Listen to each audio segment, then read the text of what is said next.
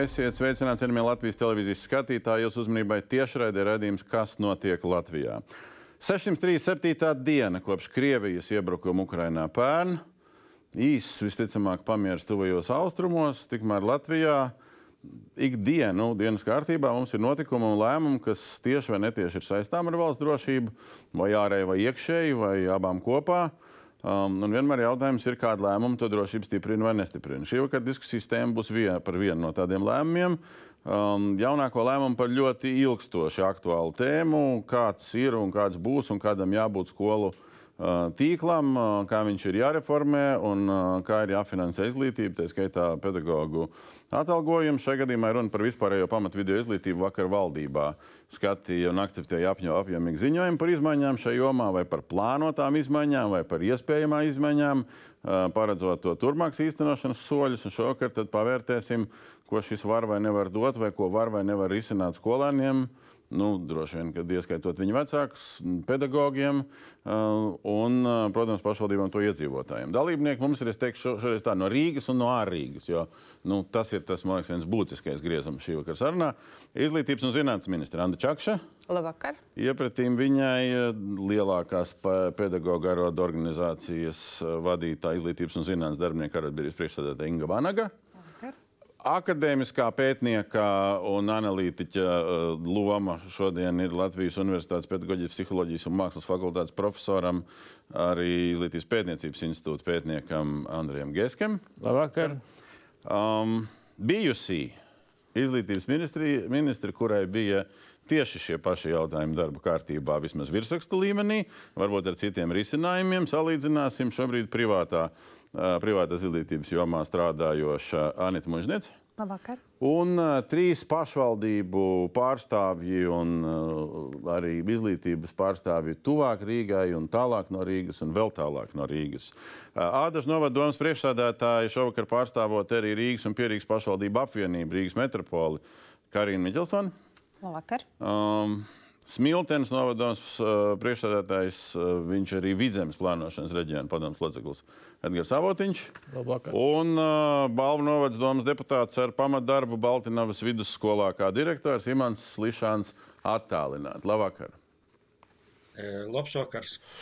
Es gribētu sākt, nu, domājot par tiem skatītājiem, un droši vien 99% no, no, no visiem ir tādi, kas nu, nav neizlasījuši to lielo 55 lapušu, nu, lielo, nelielo 55 lapušu dokumentu, ko vakar valdība skatīja, nu, kaut kā savalkot kopā. Tātad skaists, gandrīz vai poetisks nosaukums. Komplekss risinājumi augstvērtīgai izglītības nodrošināšanai, vispārējā pamatu vidē izglītībā, ilgspējīga izglītības iestāžu ekosistēma un efektīvs finansēšanas modelis. Tātad, Atsauce ir uz izglītības zinātnes ministrijas darbu kopš marta, tātad vēl iepriekšējās valdības laikā. Uh, tur ir nokonstatēts labi zināmais, ka skolās atšķirās mācību kvalitāte. Tur pilsētas skolas, lauku skolas, lielas skolas, mazas skolas. Atšķirās pedagoģu gan slodzes, gan atalgojumi nokonstatēja. Un uz tā visa fona ir uzstādījums, ka jātais ir cits izglītības iestāžu tīkls, nosaukts par ekosistēmu. Uh, pašvaldībām jāņem vērā divi pamatkritēriji - sasniedzamība kilometros vai minūtēs un uh, kvantitīvais kriterijs, cik skolēnu klāšu grupās. Pašvaldības ir sašķirotas astoņās grupās, kur astotā ir specifiska kā pierobeža, austrumu, Eiropas Savienības ārējā pierobeža, ja mēs esam uh, precīzi. Uh, nu, un tad uh, komplektā ar to visu ir stāsts par uh, jaunu pedagoģu atvēlējumu finansēšanas modeli uh, ar nosaukumu programmu skolā, ar atrunu, ka tur patiesībā vēl aprēķini ir vajadzīgi un vajadzīgi un vajadzīgi. Un vēl pavisam interesanti, kas parādās, ir jābūvē jaunas skolas. Tur nav tā uz, uzsvers uz, uz to, ka jāslēdz esošās, jābūvē jaunas, vai, vai, vai esošām skolām jābūvē piebūves. Čakškuns, es visu pateicu būtiskāko, vai kaut kas palika aiz strīpas? Man liekas, ka viena svarīga lieta, ka tas uh, akcents galvenokārt ir kā panākt izglītības kvalitāti kāpēc nosaukumā ir kompleksie risinājumi, ir skaidrs, ka šobrīd ar vienu lietu mēs nevaram panākt jau izmaiņas tajā izglītības kvalitātē, ko šobrīd mums rāda ārējie un arī iekšējie mērījumi. Nu, ar iekšējiem es domāju centralizēto eksāmenu rezultāti. Un, lai mēs nonāktu pie kvalitātes, ir vairākas lietas jādara vienlaicīgi. Tie ir vairāki nezināmie vai vairākas mainīgie, kas ir jā, jāveic, lai mēs nonāktu pie šīs izglītības kvalitātes, kas rada ilgspējīgas sekas patiesībā gan uz ekonomiku, gan uz darba spēku, visu, par ko mēs šobrīd runājam. Bet, bet, bet šeit, eh, nu, tā, eh, skatot, risinājumi par visu nemaz kompleksu nav uzrakstīti. Ja virsraksts ir pārējās lietas, saka, mēs vēl šito izdarīsim, vēl šito izdarīsim. Šitai vēl nav. Eh, Pilnīgi viss nav, jo tas ir informatīvais ziņojums, kurš skaidri nu, uzliek diagnozi, kurās daļās kas ir jāveic. Ir lietas, kas jau sāk kustēties. Nu, ja mēs runājam kaut vai par pedagoģu atalgojumu lietu, bet kā nauda nonāk līdz konkrētai skolai, kas ir jaunais finansēšanas modelis, kam iedod uzdevumu šis To mēs padiskutēsim. Vanas kundze, nu, tāds īsais iesākuma līmenī, virsraksts līmenī. Vakar ar- teicāt, nu, ir kaut kas labs, un, protams, ir iebildes. Nu, kas ir centrālais? Kas ir labs, kas ir iebilžu akcents? Nu, salīdzinot ar pirmo versiju, ja, ko mēs redzējām un ko vakar apstiprināja, tur jāsaka, ir tā ir krietni, krietni labāka. Nu, jāsaka, gan pateicoties nozares organizācijām, ja, un, un arī īpaši ja, pašvaldību savienībai, kas pamanījās tomēr eh, pārskatīt ja, šo pašvaldību sadalījumu grupās.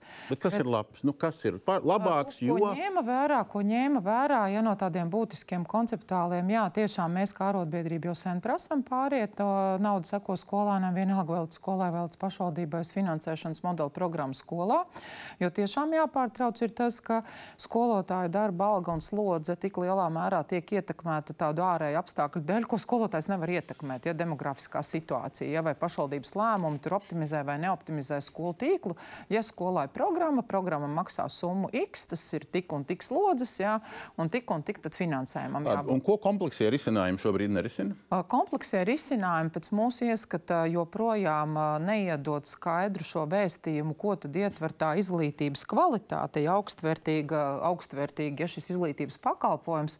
Un te kā jau tur ir rakstīts, vēl tik darīs to, darīs to, tāpēc mēs atļāvām skarotbiedrību teikt, Šis ziņojums ir kopumā uzkāpšana uz ļoti plāna trausla ledus un ļoti daudz kas būs atkarīgs no tālākajiem lēmumiem, tad, ko ietver programma, eh, programma skolā.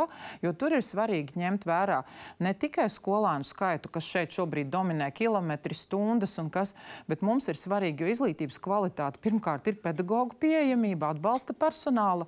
Atbalsta Jā, viss ir personāla stāsts, ka mēs dabūsim to pieejamību. Labi, pa, nu, tas pa, padiskutēsim par līdzekļi, jā, un- Padiskutēsim. un- un- jā, un kvalitāte Atzinums ir devuši visādas organizācijas, pašvaldības, arotbiedrības. Geskungs, ja universitātē, universitāte nedēļa nekādas atzinumus, ne? Ja, ja jums būtu kā universitātes pārstāvim un kā pedagoģijas fakultātes pārstāvim jādod atzinums par to, ko valdība šobrīd dara, ko jūs teiktu? Pri? Es teiktu, ka nu, tas ir fantastiski, ka tas ledus ir sakustējies. Oi, tas ir riskanti, var ielūst. Nu, bet lai iet ku- kustās, jo faktiski par to tīkla reformu mēs ar profesoru Kangro jau runājam 90. gados. Tad tas ir uh, process, kas ir varbūt ievilcies pat. Bet viņš it kā visu laiku notiek. Visu laiku notiek, dara jā, jau. bet, bet, bet es saprotu, ka uh, šis dokuments ļaus tam notikt uh, sakārtotāk un sistemātiski un, un, un ātrāk tam procesam. Kuri parametri, jūsuprāt, ļaus to, ļaus to izdarīt? Uh, Tas pats parametrs ir par šīm te skolu izmēriem. Jā, tas mazās skolas mēs esam konstatējuši savos pētījumos, ka šīs mazās skolas te parādās uh, skolēnu segregācija pēc sociāla ekonomiskā stāvokļa. Tātad tā ir Latvijā viņa lēnā garā pieaug līdz šim. Es domāju, ka šī reforma varēs to noturēt. Jo skaidrs, ka skolēnu sasniegumi, teiksim, es domāju, atzīme ziņā tie ļoti saistīti ar, ar skolas vidējo, ar skolēnu un skolas vidējo sociālo-ekonomisko. Faktiski tā kustība, kas agrāk bija daudzus gadus jau, kad daļa paliek šajā lauku skolā, kas negrib vecāku un nevar bērnu vest uz pilsētu, un daļa aizved. Un tad tas rada uh, šo te lielākas atšķirības. Un Es, tā, tā... es tā izējot no pretējā pajautāšu. Jūs tikko pateicāt, jo vairāk aizslēdz mazākas skolas, jo labāk. Jā, ja tas runa ir par pamatskolu, ja nav runa par sākuma skolu, par sākuma skolas ne. Sākot no pamatskolām, jo Jā. vairāk aizslēdz mazākas, jo labāk. Jā, mazās skolas eh, neradīs tikai problēmas. Jā, tātad klasēm ir jābūt lielām, skolām ir jābūt lielām. Ir par ko padiskutēt. Mēs kā pašvaldību ļaudis tagad ir jāiesaist. Es sākšu no, no tālākā punkta. Slišankungs. Pie šīm visām recenzijām, kas te ir, nav izskanējis, uz ko mēs ejam vai neejam. Jā, šie, šis skolu tīkla ziņojums eh, ir mainījies kopš, kopš maija, kopš pavasara, un tās, eh, eh, bet tās kritiskās lietas joprojām ir palikušas. Es runāju varbūt tieši no Eiropas pierobežas reģionu pašvaldību skatu punkta. Ko es gribu atgādināt, ka 2018. gadā tika pieņemta MK noteikumi 583, kuros pirmo reizi tika izdalīta atsevišķa Eiropas Savienības pierobežas teritorijas, kurām bija šie īpašie kvantitatīvie kritēriji, tieši kā ar drošības aspektu um, rēķinoties. Tagad ir pagājuši pieci gadi. Šī drošības situācija palikusi vēl smagāka mums, mūsu kaimiņu valstīs un Eiropā. Iedzīvotāju skaits ir vēl vairāk samazinājies un blīvums tāpat, un mēs šo, šis viss notiek uh, uz tā fona, ka notiek Latvijas sarukšana, reģiona sarukšana. Un tad, kad pirmoreiz sanāca darba grupa, kas bija pašvaldības savienības un IZM darba grupa februārī, tās pirmie bija principi, kā veidot šo skolu tīkla modeli, bija tāds uh, viens no principiem, ka to veidot uh, reģionu kontekstā, un ja depopulāciju nevar uh, apturēt, tad vismaz, lai šī skolu tīkla reforma to neveicina. Bet Slišankungs, Slišankungs vakar pieņemtais Jā. stāsts ir astotā grupa, atsevišķi kritēriji, specifiski jūs minētajai pierobežai. Kas pa vainu? Jā, Tūlīt es nokomentēšu šī astotajā grupā par Eiropas pierobežu. Kā jau saku, tad, kad šī bija 18. gada MK noteikuma, Eiropas pierobežai bija noteikts kriterijs 10. un 12. klašu klasēs kopā 25 izglītojamie. Tad ministrija piedāvāja jaunajā modelī 60, palielināt 2,4 reizes. Nevienai citai teritorijai Latvijā nav tik liels šis palielinājums, kas ir nereāls šīm e, pierobežas skolām - 2,4 reizes. Priekšlikumi likt mazāku kritēriju bija e, pusgada garumā no no Nolizdes, no Latvijas pašvaldības savienības, no Latvijas plānošanas reģiona, no atsevišķām pašvaldībām. Tas tika daudz kur iesniegts, runāts mutiski un iesniegts rastiski. rakstiski. Tomēr beigās joprojām palika kritērijs 60, tāds pats kā pārējā Latvijā. Paldies, Čakškuns, sāk, sāk atbildēt. Bet, uh, Bet ļaujiet atbildēt Čakškundzei arī. Nu? Uh, tā tad te uzreiz jārunā ļoti skaidri par faktiem. Tā, divas lietas mēs ņemam vērā. Viens ir uh, ja mēs gribam vidējā izglītības posmā, ka bērni apgūst tās kompetences un tālāk var mācīties gan par ārstiem, gan par inženieriem, viņiem ir jāapgūst STEM zinības. Tātad tas, kas notiek 12. klasē, ir padziļinātie priekšmeti. Tagad iedomājieties, ja jums ir vidusskolas posmā 24 bērni, tas nozīmē, tas, ka 10. klasē tie ir 10 bērni klasē, ir viens stāsts, bet 12. klasē, ja ir jābūt vismaz četrām izvēlēm, tas nozīmē, ka jums mācīsies vienā šajā plūsmā divi vai trīs bērni. Un skola viena no otras, kur ir nepieciešami šie padziļinātie priekšmeti, atrodas desmit km attālumā. Katrā no tām ir daudz sociālo zinātņu priekšmeti, bet nav padziļināto priekšmetu uh, fizikā, ķīmijā. Un pēc tam cerēt, ka šie jaunieši doties tālāk STEM mācību priekšmetos, ir ļoti grūti iedomāties. Ir skaidrs, ka ministrija neslēdz nevienu skolu. Tas, ko mēs runājot ar pašvaldību, skatāmies, kā optimāli var izmantot šos mācību spēkus. Mēs runājam tiešām par skolotājiem, tur, kur ir šīs skolas tuvu cita no citas, lai iedotu bērniem pēc iespējas labāku izglītību. Paldies, Līšankungs, pēc iespējas labāku izglītību. Ko jūs sakat par šo atbildi? Jā, jā tūlīt tiešām svarīga ir kvalitāte.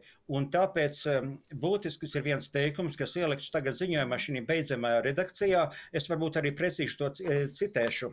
Tātad, lai šo kvalitāti nodrošinātu, ja pašvaldībām, kas atrodas pie Eiropas Savienības ārējās robežas, tiek noteikts īpašs status valsts drošības apsvēruma dēļ, valdība veido atsevišķu finanšu programmu, lai atbalstītu konkrētās pašvaldības, um, kurās eh, tiek nolēmts saglabāt izglītības iestādi, neskatoties uz to, ka konkrētajā izglītības iestādē izglītojamo skaits neatbilst valstī noteiktajiem kvantitīviem kritērijiem ar mērķi nodrošināt izglītības kvalitāti.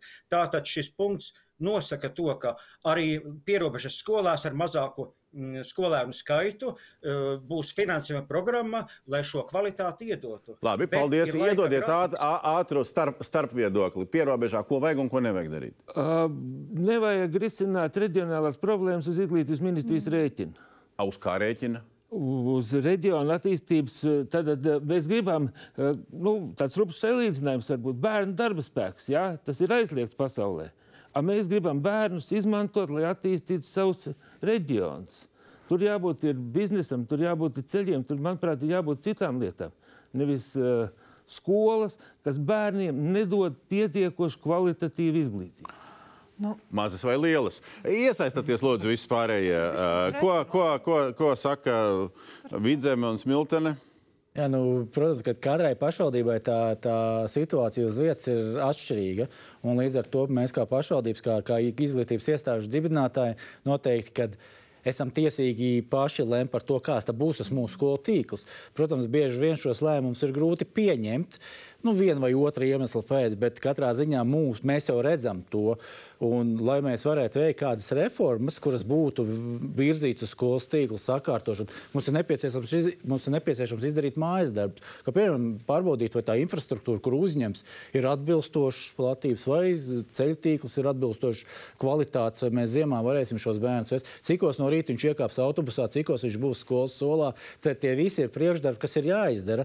Un tad mēs varam spriest par to nākošo soli, ka mēs reorganizējam vienu vai otru izglītības iestādi. Ko jūs to gribat teikt? Es tagad nocitēšu vienu fragment arī eh, no vakara valdību akceptētā. 22. gadā uz, uzsākot īstenot esošo finansēšanas modeli, tad mužnieces kundzes modeli, tika sagaidīts, eh, ka pieņemot lēmumu par efektīvāku izglītības iestāžu tīklu, pašvaldības liederīgāk izmantos tai piešķirtos līdzekļus pedagoģa darba samaksai. Un nākamais teikums - tomēr daļa pašvaldību joprojām saglabā neefektīvu vispārējās pamatu un vidējās izglītības iestāžu tīklu tad jūs noraidat to, ka kāds ir neefektīvs? Nu, Nē, nu es nevaru runāt par visiem pašvaldības vadītājiem. Es varu... nu, vidzemē?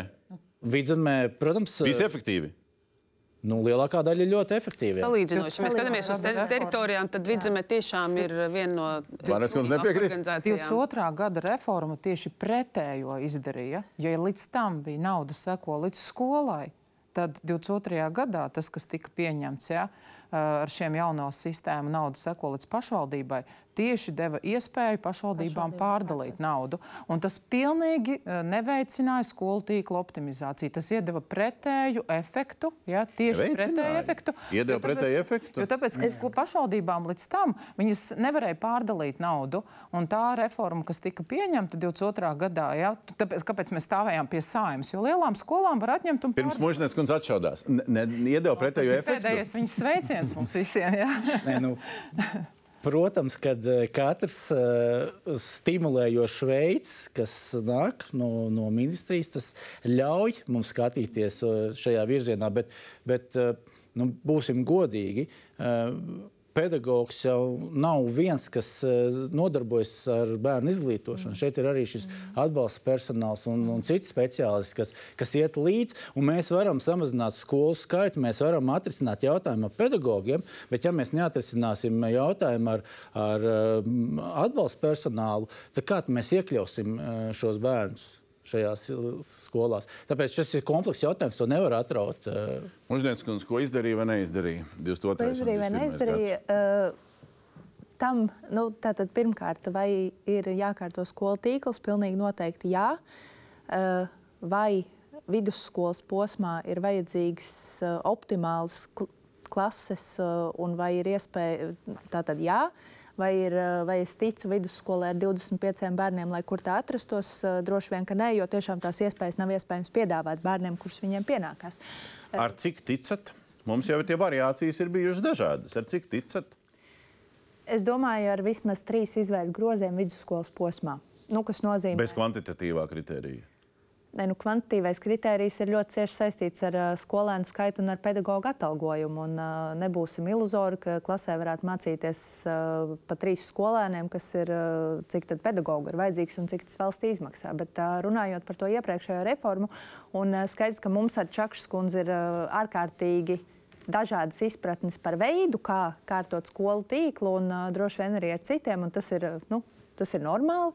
Eh, cilvēki domā dažādi, bet uh, par konkrēti pieņemtajiem lēmumiem tātad manā laikā tas, tā ir reforma trīs gadu periodā, kas sākās faktiski šajā mācību gadā. Un, lūdzu, neaizmirsīsim, ka tie aprēķini tika veikti uz 21. un 22. mācību gada datiem. uh, kur bija zemākā pedagoģa algas likme viena, pieejamais finansējums uh, arī viens. Uh, tad mums nāca streiks, kur tika iepludināta milzīga naudas summa. Un, manuprāt, tajā brīdī tas, ko ministrija varēja darīt, lai nu, neteiktu, ka vienkārši kaut kas, kas tik, tikko ir iesācies, nestrādā, būtu pārskatīt šo te, skolēnu izmaksu uh, proporcionāli tai naudas summai, kas ienāca sistēmā iekšā. Bet, kas bijis bijis? Bet vai jūs varat īsi šobrīd nodefinēt? Jā. Viena būtiskākā lieta, ko jūs piekrītat Čakškunam šī brīža kompleksiem risinājumiem, un viena būtiskākā vai fundamentālākā, kam nepiekrītat? Būtiskākā lieta, ir, uh, kam es piekrītu, ir tā, ka uh, beidzot ministrija, nu, tātad izglītības ministrijas vadībā tiek arī runāts kopā ar pārējām atbildīgām ministrijām. Nu, tas ir par pašas, formu. Jā, tā ir. Tam piekrīt. Tā ir Labi. forma. Tā ir, eh, es ceru, tiešām, ka izdosies uh, atrisināt jautājumus gan par infrastruktūrām, pieejamībām, mobilitātēm, ceļiem. Uh, nu, Tātad uh, šai centralizētajai pieejai, kur tiek noteikti skolēnu skaiti, es pilnīgi noteikti nepiekrītu tam, kas šobrīd eh, gan informatīvajā ziņojumā, zinu, ka ir atsauce par privātu izglītības eh, iestāžu atsevišķiem noteikumiem, kā tās tiks finansētas, tad es arī varēšu sniegt komentāru, bet eh, pēc šī brīža ieceres es domāju, ka neviena privātā skola posmā 7, 12 vienkārši nepiedāvās izglītību, vai arī tā būs ļoti, ļoti dārga, un tam ir objektīvi apsvērumi. Plus, Es, uh, īsti... Īs, šitā bija īsā versija. Iesaistam, iesaistam vēl pie vārda netikušā Miķelsons kundze ar pilnīgi droši vien pretēju skatu. Mēs mazas skolas pierobežu un tagad ir lielā Rīga, Pierīga, uh, pieaugoši iedzīvotāju skaits Pierīgā. Nu, ko jūs sakat, ko te mums kārto kompleksu vai nekārto? Jā, paldies par ziņojumu. Es pievienošos. Viņš noteikti ir patiešām kvalitatīvāks nekā tas, ko mēs bijām lasījuši un sašutuši sākotnējā redakcijā. Varbūt par šo atšķirību. Kas kļuva labāks? Kas kļuva labāks? Nu, tad, tad, jūs arī uzsvērāt ar nelielu izbrīnu, jābūvē jauns vai jātīsta. Tieši es ar zinām ironiju to pateicu, jo mēs jau varam visu kaut ko teikt, ka jābūvē, un tad ir miljoni, un tad ir valsts budžeta deficīts. Droši vien mums kā Ādažu pašvaldībā ir ļoti viegli par to runāt eh, no viedokļa, ka mums ir pieredze un ko nozīmē mūsu finanšu aizņēmumu uh, pakete, kuru sastāda divas uh, izglītības iestādes. Proti, mēs esam viena no pašvaldībām, kas brīvvalsts laikā ir uzbūvējusi 19. gadā pilnīgi jaunu no nulles eh, skolu 820 eh, skolēniem. Un 23. gadā šī skola ir piepildīta ar 131%, kas nozīmē, ka jau atkal trūkst vietas. Un tas ir, ir atbilde par šo depopulāciju kopumā valstī, kas ir desmit gados mīnus 30% vidēji, un savukārt eh, pierīgā tie ir plus 30% Jā, bet Rīga pierīgi ir iedalīta visās šitajās. Man šausmīgi patīk tas vārds uh, degurba, jā, pēc Eurostat klasifikācijas lielisks saīsinājums, ko Latvijas noteikti vidējais vecāks un skolotājs ātri apgūs, ja šis stāsies spēkā. Nu, ir tās grupas, ir Rīga, ir pierīga, nu, lielas, mazas ir salikts. Tas ir viss kārtībā, jūs to, to pieņemat tam grupējumam? Tātad sākumā atkāpēju no grupējuma, atbildot par to, ka jā, mums būs ļoti atšķirīgas rīcības un risinājumi pierobežai. Uh, reģioniem un pierīgai. Bet kas būtu jāpaliek svarīgi kopīgam, ir šī kvalitāte. Un tās atbildes, kas ziņojumā, protams, neparādās, ir, kuras rīcības vai kuri elementi ir tie, kuri liks mums domāt un saskatīt, ka tā kvalitāte vienādā scenārijā un otrādā būs. Un šeit es šoreiz nepiekritīšu runātājiem par lielajām klasēm, jo proti mums ir jāpaskatās arī uz pedagoģu kā uz resursu. Un šeit iestājoties pierīgas jautājumā Rīgas un visas metropoles vārdā, 5% Latvijas teritorijas, kur koncentrēta puse no iedzīvotājiem un ekonomikas, mums katastrofāli trūkst pedagoģu. Tad kas būs tie cilvēki, kas būs tie supervaroņi, kuri mācīs tos 36, 2. Un es saprotu, par ko es runāju. Mums ir. Ko jūs varat likt pretī šitam? Mm, savā laikā runāja ar Vēnspils vienu skolotāju. Interesants piemērs. Lielas klases. Un tad viņi teica, nu es te vienu gadu pahaltūrēju grobiņā pie mazas klasītes, 12 cilvēkiem. Es saku, pēdējo reizi mūžā. To nevar strādāt. Ja ir 36, tad ir īsts darbs. Tad mēs varam strādāt, mēs varam grupas taisīt un tā tālāk. Tad ir arī tādi viedokļi. Un, um, Bet tie ir viedokļi. Mazās nu, gru- Labs skolotājs, slikts skolotājs. mazās grupas. Labi bērni, slikti bērni. Mazās klasītes, tas ir mazās klasītes, ir priekš tiem, kam iet grūtāk mācībās. Tiem palīdz šīs te mazās klasītes. Ja ir skolēni bez problēmām, ja ir skolēni talantīgi, liela klase, tas ir ideāls. Nu, mēs runājam par ideālo skolu. Es nezinu, valsts gimnāzijas atlase, motivēti, pašorganizēti gan bērni, gan vecāki. Bet skaudrā realitāte ir tāda, ka eh, normāli, pilnvērtīgi, kvalitatīvi īstenot šodien mācību procesu, zinot, ka iekļaujošā izglītība ir vajadzīga, bet nav šī atbalsta personāla, ko tu minēji. Ja? Eh, Kāda izglītības kvalitāte? Ja? Bet es gribētu piebilst par to, mēs ar kā Lizda prasījām šo īpašo ja, skolānu skaitu vidusskolas posmam pie Eiropas Savienības ārējās robežas pašvaldībām. Un paskaidrošu, jā, mēs prasījām šos 45 klases posmā 10 ā, līdz 12. Ja.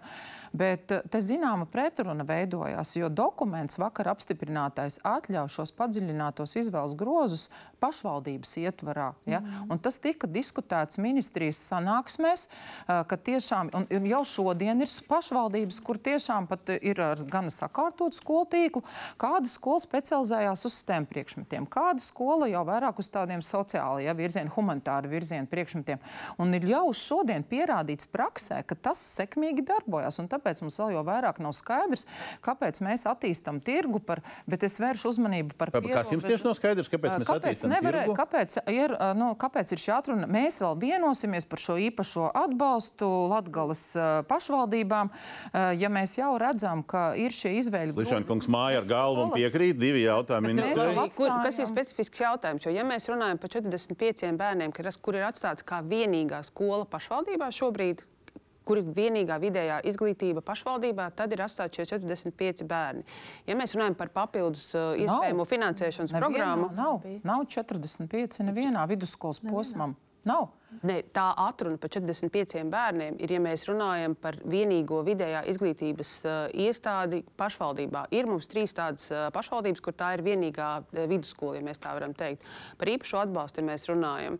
Un, un, kopumā, uh, protams, kad pašvaldība pieņem lēmumu, kādā veidā, kuras skolas būs, un viņas var, pašvaldība iekšēji var skatīties, uh, lai to uh, organizētu. Vienā skolā varbūt vairāk STEM priekšmetu, otrā humanitārie, bet jebkurā gadījumā, tad, kad mēs runājam par skolēnu skaitu, ir jāatcerās, ka līdz šim tas, kas mums ir pietrūcis, ir tāda vienošanās, par ko kopumā vispār tiek maksāts. Kas ir tas skolēnu skaits, kuram ir jābūt, kam pretī liek skolotāji. Tiek maksāts mēs- par skolēnu skaitu. Jā, Tas ir neatkarīgi, jā, bet nav, uzskats. uh, nav šī vienošanās, cik ir nu, šis optimālais klašu komplekts. un Mēs nerunājam šobrīd vispār par 32 vai 36, lai gan pētījumos, īpaši, ja mēs runājam tiešām no 7. klases uz augšu, tieši lielās klases tiek uzrādītas kā labāks.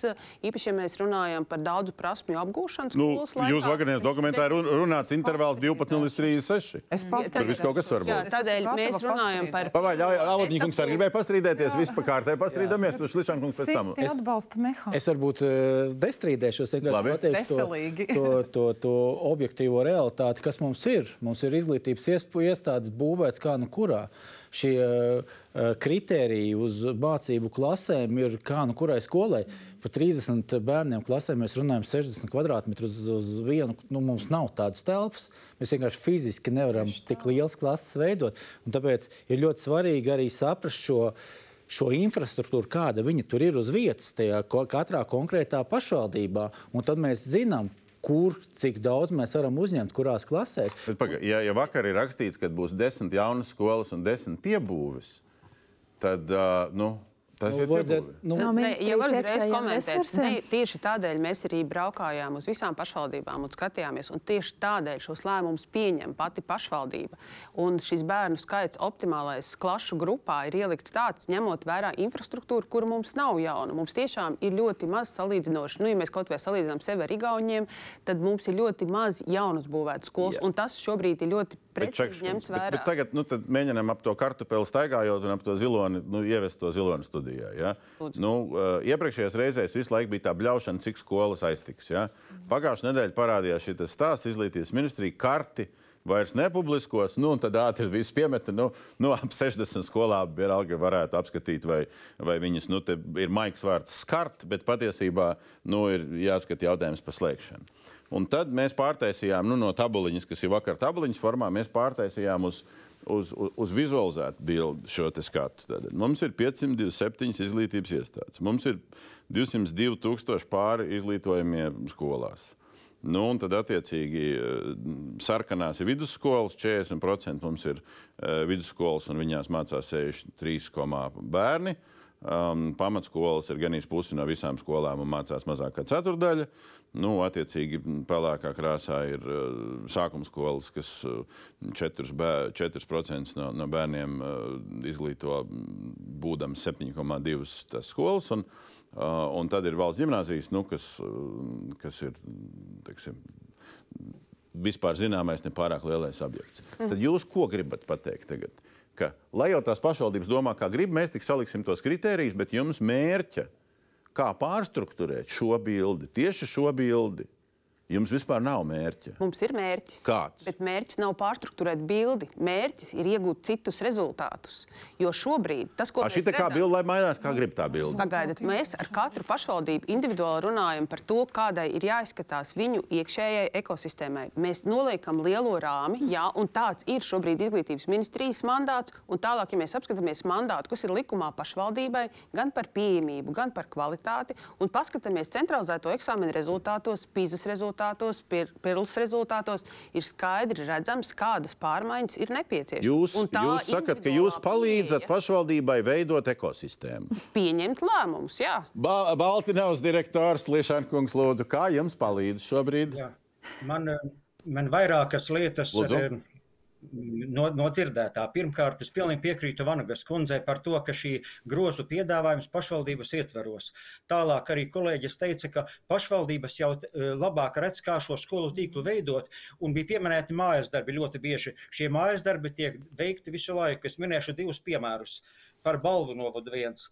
Kopš iepriekšējās reformas, kopš 2009. gada balvu tagadējā novada teritorijā ir slēgtas deviņas skolas un trim skolām samazināta pakāpe. No tām divas vidusskolas uz pamatskolu un viena pamatskola uz sākuma skolu. Bet Nu, bērnu skaits arī samazinājās, vai ne? Nu, bija jāslēdz. Jā, protams, tā kā jā. tālāk. mm, eh, Pie, tika pieminēti šie desmit kilometri starp skolām, starp vidusskolām.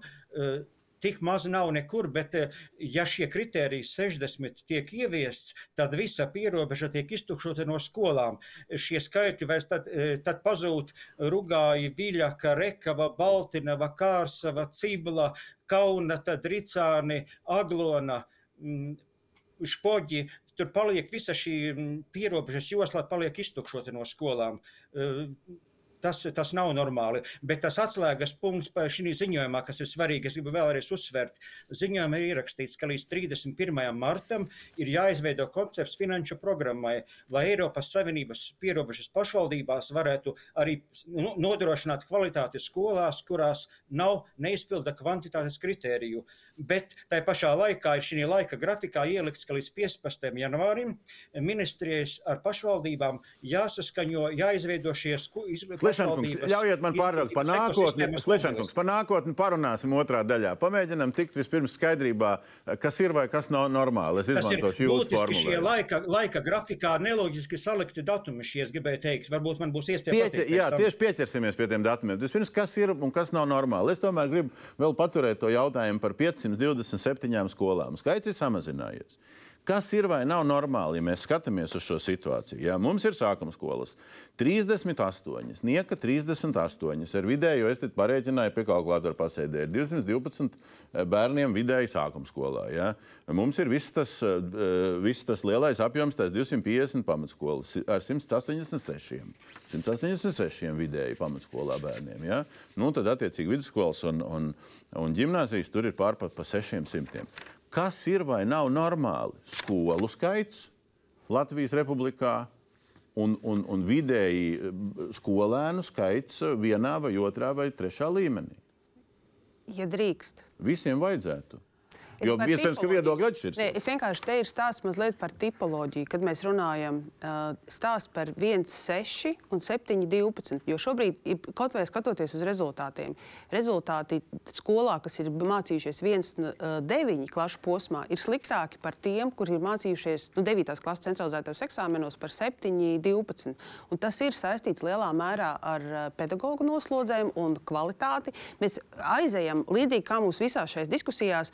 Mēs gribam sākt par kvalitāti un sākam runāt par to, cik mums maksās un cik būs klasē bērni. Mēs vēl neesam sākuši to- runāt, cik maksās. Mēs vēl neesam sākuši Jā, par to un runāt. aizmirstam par to, ka būtībā šis rezultāts ir atkarīgs no tā, cik kvalitīvs pretī ir pedagogs. Un man liekas, ka tas stāsts arī uh, šajā pierobežas zonā ir stāsts par tipoloģiju. Ja ir viens seši tuvāk mājām, un mēs nerunājam par to, ka tur ir ierobežots bērnu skaits, tur ir ļoti liela fleksibilitāte, bet bērniem, kuriem sākas šie STEM priekšmeti, ir jādod labākas iespējas. eksakti 7, atbild, kas ir 12 normāli un kas vairs nav normāli. Nav. Nu, tiešā veidā, nu, tas divas rokas, divas kājas ir normāli, viena nav. Tā jūs gribat? Es nezinu, kā es gribu. Nu. Prezidents Nu, o- o- Otrs viedoklis par normālību, skatoties Nē, nu, caur es, retrospektīvu. eh, Kā es teicu, mēs, protams, varam strīdēties, bet tas nav šodienas jautājums, pareizi vai nepareizi lēmumu iepriekš. Es joprojām uzskatu, ka pašvaldības kā dibinātājs un, un vislabāk redz savu tīklu, savu infrastruktūru, savas iespējas. un Tieši tāpēc uh, savulaik nu, es pieņēmu tādu lēmumu, kādu es pieņēmu. Uh, šobrīd uh, pateikt uh, no Vaļņu ielas divi ka mēs runājam ar katru pašvaldību. Mēs spēsim iedziļināties. Nē, jūs to nespēsiet nekad nosakot uh, vienus otrus uh, nu, kaut kādus skaitus, tāpēc ka vai nu A, jums būs miljonus izņēmumu, jā, jāveido, lai katrai situācijai pielāgotos. šeit. Nu, un, uh, rezultāts būs uh, sadrumstalot, nesakārtot sistēmu. Otra lieta, mums, uh, tad, kad ir ērti, mēs salīdzināmies ar Igauniem. Tāpat laikā, nu, tad, kad mums nav ērti, mēs veidojam kaut kādu, nu, tādu, piedodiet, uh, ar, ar uh, auto, autokrātiskām metodēm. Ja nu darīsim tieši tā un nekā citādi. Nu, Tas, kas nav taisnība un ko liekam pretī? Nav taisnība tajā, ka pašvaldībām nevajag iedot to konkrēto rāmi. Es runāju par to vienošanos, par, to, par ko tad tiek maksāts, tad kāda ir tas šī, rāmis? šī, šī uh, iespējamā robeža. Jo pašvaldības, diemžēl, dažādu politisku apsvērumu dēļ, dažādu apsvērumu dēļ nespēja pieņemt lēmumus un gaida, kad skola pati beigsies. Kā rezultātā cietēji ir bērni. Un, ja mēs runājam par izglītības kvalitāti un tiem rezultātiem, ko mēs šobrīd viss teikt redzam, pretī kaut ko. Es Es domāju, ka saprotu, bet ir apskatieties no mūsu sistēmas raustīšanas, Apskatieties, no nemitīgām, nepabeigtām lasītājs. reformām. Nu, tur ir- tur ir, tur ir tiešām cietēji skolotāji. Tur ir cietēji bērni, tur ir cietēji izglītības sistēma. Jo nevajag mums aizmirst, ka izglītība nav priekš skolotājiem, uh, izglītība ir priekš primāri bērniem un sabiedrības kopumā. Jā, bet Ja? diemžēl, kā, diemžēl pašvaldības lēmums balsta Un uz kaut ko pašvaldības, citu. un pašvaldības ā, tātad, nu, tas ir mans viedoklis. Pašvaldībām tika radīts trīs gadu periods. Jā, ā, neviegls ir pašvaldības, kas to izdarīja pirmajā un gadu pirms. ā, Ir pašvaldības, kam bija laiks ar konkrētiem nosacījumiem. Tas, kas, manuprāt, ministrijai ir mazāk jādara, ir ā, jānodarbojas ar ā, mikromanagementu, jāiedod tieši tā, kā jūs sakāt, lielais rāmis, bet ar spēju lemt pašai pašvaldībai un jādomā par pedagoģu prestižu, par to, kā nestrādāt skolās. Ja par pedagoģu prestižu šajā studijā bija viens izcils citāts ā, savulaik. Iedodiet pedagogiem normālu naudu, viņi par prestižu, lai domā paši. Nē, nē. Es, eh, es tomēr šeit atgādināšu, ja, ka, kā jūs pareizi teicāt, nosaukums skaists komplekss ir izcinājuma augstvērtīgai izglītībai. Un te ir jautājums, ko ietver augstvērtīga izglītība. Ziņojums ietver tikai kvantitatīvos mm. parametrus. Un tas, ko mēs kā arotbiedrība, jā, mēs saprotam, ir jāturpina, bija jāsāk optimi, nu, tātad bija jāpieņem šis lēmums. Ja? Bet tas, kas ir svarīgi, neaizmirst aiz visiem šiem kvantitatīvajiem parametriem, ka maza skola ir arī laba skola un nevar tikai un vienīgi analizēt, ja šeit uh, caur par centralizētiem eksāmeniem vai pīza vai vēl kādi vai diagnosticējošie darbi. Jūs sakat, lūdzu, kā izmērīt kvalitāti tā pedagoga darbam, tās skolas darbam, kur bērni skaitliski daudzi sociāla-ekonomiskās situācijas dēļ ir bijuši nesekmīgi, un viņi kļūst sekmīgi. Mm. Viņi nav nākuši šī jautājuma, Ir jūs esat bijis ilgstoši tajos visos nu, no Latvijas puses pētījumos, starptautiskajos, dažādos. Cik lielā mērā mēs varam pārliecinoši pateikt šajā kontekstā, ka kvantitatīvie parametri tieši vienmēr var uh, noteikt kvalitāti? Uh, tieši mēs, protams, nevaram pateikt, jo vienmēr ir izņēmumi. Jā, tā tad, uh, bet uh, tendences, tendences ir, un šīs te tendences rādās. Ka, teiksim, ir uh, liels, liel, ja mēs skatāmies skolas, jā, klases, liels klases, liels skolas. Ok, bet tur sasniegumi ir augstāki. Bet tur summējās dažādas lietas, ko ir uh, grūti atšķirt. Lielas skolas ir pilsētās. Pilsētās ir uzreiz eh, augstāks sociālais-ekonomiskais stāvoklis un tam līdzīgs. Jūs piemērs par to, ka uh, mazā skolā ar uh, zemu sesu uh, pacēla sasniegums, ļoti labi, bet ja šie bērni būtu lielā skolā, viņiem arī būtu. Viņi pazustu citur. Nepazustu. Daļa pazustu, jo nav atbalsta personāla, nav Jā, pedagoģa palīga. Un Latvijas universitātes pētījums ir ar datiem tādiem, Latvijas universitātes veiktais, ja, ka skolēnu sniegumā tā tad ir ģimenes faktoram aptuveni ap 30%, ja, īpatsvars skolēnu faktoram 37% un skolotāju skolas faktors 36%. Un tāpēc te ir ļoti liela loma, kāda ir ģimenē, cik viņi var atbalstīt, cik viņi iesaistās. Jā. Ja? un skolotāji menedžē. Un mēs atgādināsim, ka pēdējie ja, kvalitatīvie rezultāti tos ietekmēja arī tas, ka mums joprojām atbalsta personāls mums katastrofāli trūkst. Pedagoģa palīga mums ir paredzēta tikai 1. un 3. klasē jaunajā modelī. Ja, un, un mūsu sekmju rezultāts ietekmē tas, ka Latvijā arī bija viens no ilgākajiem mm. attālināto mācību periodiem. Jaunais saturs bez atbilstošiem mācību līdzekļiem, ko ministri ir mantojusi un joprojām risina, bet uzlabojumi ir. Un tas viss ietekmē šo augstvērtīgo izglītības kvalitāti. Jā, nē, daļēji piekrītam, atzīstam, tas neatzīstam. viss ietekmē Nē, nu, to, kvalitāti. to, ka kvalitāte ietekmē bezgalīgi daudz parametru, to mēs Bet te nav nevaram neviena vārda Jā, par tātad kvalitatīviem Ir varbūt virziena eh, ziņojumā. jāskatās ir uz reāliem rezultātiem. Teiksim, šie paši centralizēti eksāmeni parādās skolas, mēs redzam, tas skolas nosaucam.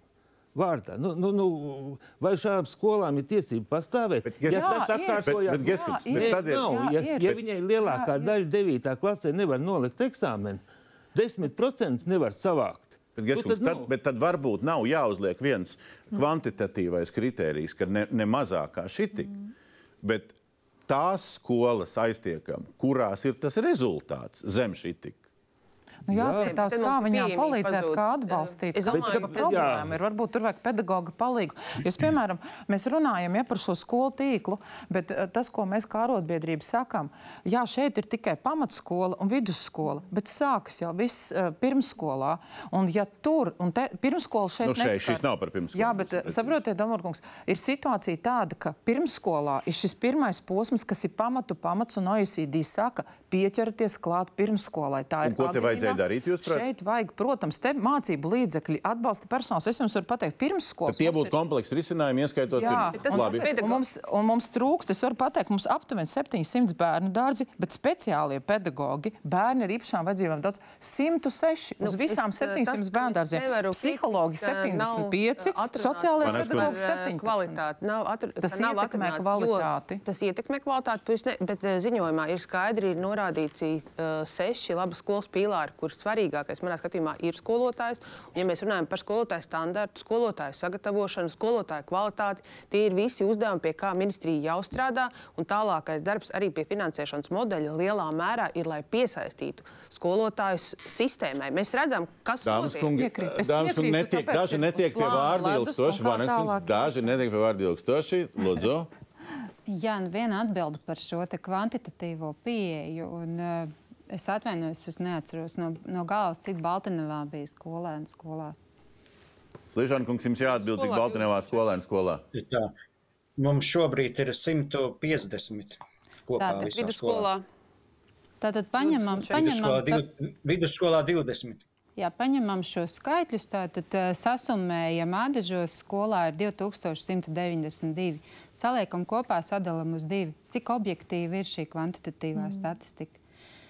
Nākamais bija stāsts par sākuma skolām. Bet te es iebilstu uzreiz, tā nevar skatīties, jo mēs tiešām tādēļ sadalījām par šīm uh, urbanizācijas grupām. un, uh, Tieši tādēļ ir atšķirīgi šie skaitļi dažādās, uh, dažādās pašvaldībās. un Tieši tādēļ ir šis klašu komplekts. Nevis skatīts katrā klašu, klasē, bet klašu komplekts viens, trīs. Jā, ta- Jā, paldies, paldies par precizējumu. Tas Tas, ir labi. Man bija arī ļoti interesanti lasot šos pētījumus. Visu laiku nepametat sajūta, kur bija ādaži. Mēs esam pilsēta pēc ATR, pēc nosaukuma. Kur bija mūsu pašvaldība šajā griezumā? Lauku skola, vidēji attīstīta. Pierīgi, jūs sev varat atrast. Gribat ja, nē, nē, bet, bet pēc būtības iepriekšējā gradācijā, kad ir pētījumi veikti, viņiem bija lauku skolas status, jo nebija no. Tas ir absolūti bija ciems, pagasta centrs un lauku skolas status. Lielākā lauku skola Latvijā. Caur šo es vēlos vērst uzmanību, ka nevienmēr mēs varam kvantitatīvi noteikt. Mums tagad ir aglomerācija pamainījusies, ir parādījusies pierīga. Sākums skolas vistipiskāk ir lielajās pilsētās, kā Rīgā. Tāpēc mēs redzam, ka viss ir kundze tieši tādēļ tika izmantots urbanizācijas cipars. Jūs šobrīd runājat par ies, tā, mēs izgājām cauri trīs iterācijām, sākot ar dažādiem pētījumiem, beigās paņemot šo Eurostatu un vēl kombinējot ar to uh, Latvijas pētniecības sadaļu. un Tur ir ņemta tiešām urbanizācija, un tas jūsu pārmetums šobrīd nav vietā. Ādaži nav, nav lauku skola. Ir stāsts par skaitļiem un statistiku. Gan drīz bija. Bet- Ja? Āodiņa kungs, Nē, ja, nu, ur, nu, Jā, šis div- gurba, divas- man liekas, divas ir ļoti labs risinājums. Noteikti arī Tagad es piekritīšu, ka uh, vēl vienreiz uzsvēršu to, ka katra pašvaldība ir sava specifika. Piemēram, Smiltens novads 1800 km2, 50% vairāk kā 50% meža. Uh, Jūs saprotat, ka, ko tas nozīmē, ja mēs visu centralizējam vienā vietā. Tāpēc jau mēs, kā pašvaldību, uh, izglītības pārvaldes vadītāji un pašvaldību domu deputāti, zinām un mēģinām saprast to kompromisu, lai tam bērnam nav septiņos uh, vai pusseptiņos no rīta jāsēž autobusā un jābrauc uz to skolu. Un līdz ar to ir svarīgi saprast to, to, to specifiku katrai pašvaldībai un salikt tos punktus, kur būs tā skola. Un otra lieta, es nevaru piekrist tam, ka pašvaldības neko nedara. Jo es zinu, ka Alūksnes kolēģi ir izdarījuši ļoti liels reformas. Mēs esam izdarījuši liels reformas. Es zinu, ka Valmieras kolēģi ir izdarījuši, nesenā pagātnē Valkas kolēģi ir izdarījuši. Uh -huh. Skolu tīkls tiek kārtots. Jā. Varbūt tas nav tas tēmas, kādā vēlas to izglītības Ja jūs sakat, man es arī piekrītu. uh, Vidzemē tiešām ļoti daudz kas tiek darīts. Ļo, ļoti daudz pašvaldības vienkārši lūdz, lai iedod šos skaitļus, lai viņi var virzīties. Un tādēļ jau arī šai sarunās mi- ministrija jau nevienā brīdī neteica, ka jums būs tā. Kas jums Mēs aicinājām, lūdza? kā ir jūsu. Kurš kā lūdza jūs iedodiet redzat? skaitļus? Nu, diezgan daudz pašvaldības. kuras, lūdz ļoti kuras precīzi viskaļāk lūdza? palīdzēt. uh, Kuras pašvaldības lūdza? Nē, Čakškundze, šis ir interesants. Nu, kuras lūdza? Un Tās, kuras tā, nespēja laikam pašas mm. pieņemt lēmumus. Nu, nosauciet Negrib. divas, kas nespējīgas pieņemt lēmumus. Nu, lai viņām Čaška, nav bet, nu, ja mums šis ir vakars. Nu, bet, ja pašvaldības nespēja pašas pieņemt lēmumus, Anonīmas pašvaldības vārdā Anonīmas. nenosauktas lūdzu. Nu, baigais arguments. Ne? Audiņkungs, ko jūs sakat, ja jūs sakat katram savādāk, savādāk, bet uh, nu, es uzliku Čakškunas prezentācijas vienu slaidu fonā. Ja? Nu, visiem vienādi, tātad līdz 40 minūtēm vedam skolēnus 1. 6. klasē un, tālāk uh, starp dzīvesvietu un skolu ja, ap 25 vai starp skolām 50. Ja? Šie ir vienoti uzstādījumi. Ko tad par šitiem jūs sakat? Jā, nu, pēc būtības tie, tie sakrīt arī ar mūsu izstrādāto plānu. Lielā mērā mēs arī tā redzam, ka uh, šis ir tas attālums, kādā kā laiks, kādu vajadzētu pavadīt uh, bērnam skolas autobusā. Šito jums iebildumu nav. Slīšana kungam Jūs- ir ko teikt par šito? Es piebildīšu, ļoti būtiski šeit parādās, ka 25 km no dzīves vietas līdz skolai, bet mums jau šobrīd, piemēram, pa trim maršrutiem skolēnus vedam ar trīs maršrutos uz skolu, un jau tagad ir skolēni, kas eh, brauc 10, 15, 11 km līdz skolai, tā ka tie jāplusē klāt ir. Nu, un ka, ko jūs teiktu, ka, kas būtu tas pareizais kritērijs šeit? Nu, Es vēl par, gribēju par statistiku pateikt, Labi. iepriekš tika pieminēts. Jā. Pie vidusskolām, piemēram, kas, neparā, kas īpaši ne, netiek akcentēts, bet šobrīd jau ir 24 vidusskolas valstī, kurās vairs nav 10. klase šogad. Mm. Un no tām astoņas, kurās jau nav 10. un 11. klase. Tā ka šis eh, skolu centralizācija notiek nepārtraukti. Bet tas ir uh, arī balstoties uz to skolēnu skaitu un pašvaldību pieņemtiem lēmumiem. un Tas ir brīnišķīgi. Bet runājot par šiem 25 km, ir nu, es teiktu, ir arī svarīgi apzināties, ka vecāki arī pieņem lēmumus un uh, ved bērnus daudz tālāku skolu. Un tad, kad uh, teiksim, Ādams runā par to, ka viņiem pieaug populācija, tādēļ, ka vecāki meklē, un uh, vecāku aptaujas liecina par to, ka viņi meklē kvalitatīvāku skolu, un mēs neveicot šīs pārmaiņas, vienkārši panākam to, ka notiek daudz lielāka depopulācija nekā skaidri apzinoties, ka te mums skola ir svarīga un mainām kvalitāti. Mainot iespējams izglītības pakāpi, tipoloģiju, bet tiešām nodrošinot kvalitāti. Jo citādāk vecāki balso ar to, ka viņi ved bērnu Bet tur. kvalitātē vajag tieši šo 40, kvalitāti. nevis 30 vai, vai, vai Šis 45. nav par laiku. Ja mēs runājam par 40 minūtēm, tas ir tiešām pirmo sešu klašu grupā, lai bērniem nebūtu pārāk liela slodze. Un te ir svarīgi, ka pašvaldības izvēlas vairākus iespējams šos maršrutus, nevis uh, savāc visus bērnus vienā autotransportā un tad ved uh, divas stundas. Tas ir uh, tieši še, dēļ šī ir ielikt šis laiks. Pierīgai te nevajadzētu krenķēties vispār. ne par ko. Pierīgai nevajadzētu krenķēties, bet es eh, citēju Čakšu kundzi, kas radīja manī sašutumu eh, vienā no sanāksmēm vasarā ar Latvijas pašvaldības savienību izskanēja. Nevajag bērnus ekskursijā vadīt 45 minūtes par novadu. Un pārstāvot mazāko teritoriālu novadu Latvijā, teikšu, mūsu maršruts ir stunda. Mm. Attālākais bērns brauc stundu. Mēs esam mazākā aglomerācija. Un par ko ir stāsts? Mums jau nav iekšējo šo pārvadājumu. Mūsu ATD slēdz maršrutus, bērniem ir savienotie maršruti. Pēc ATR reformas novadi nav savienoti kā infrastruktūra. Līdz ar to piedodiet arī mazā aglomerācijā.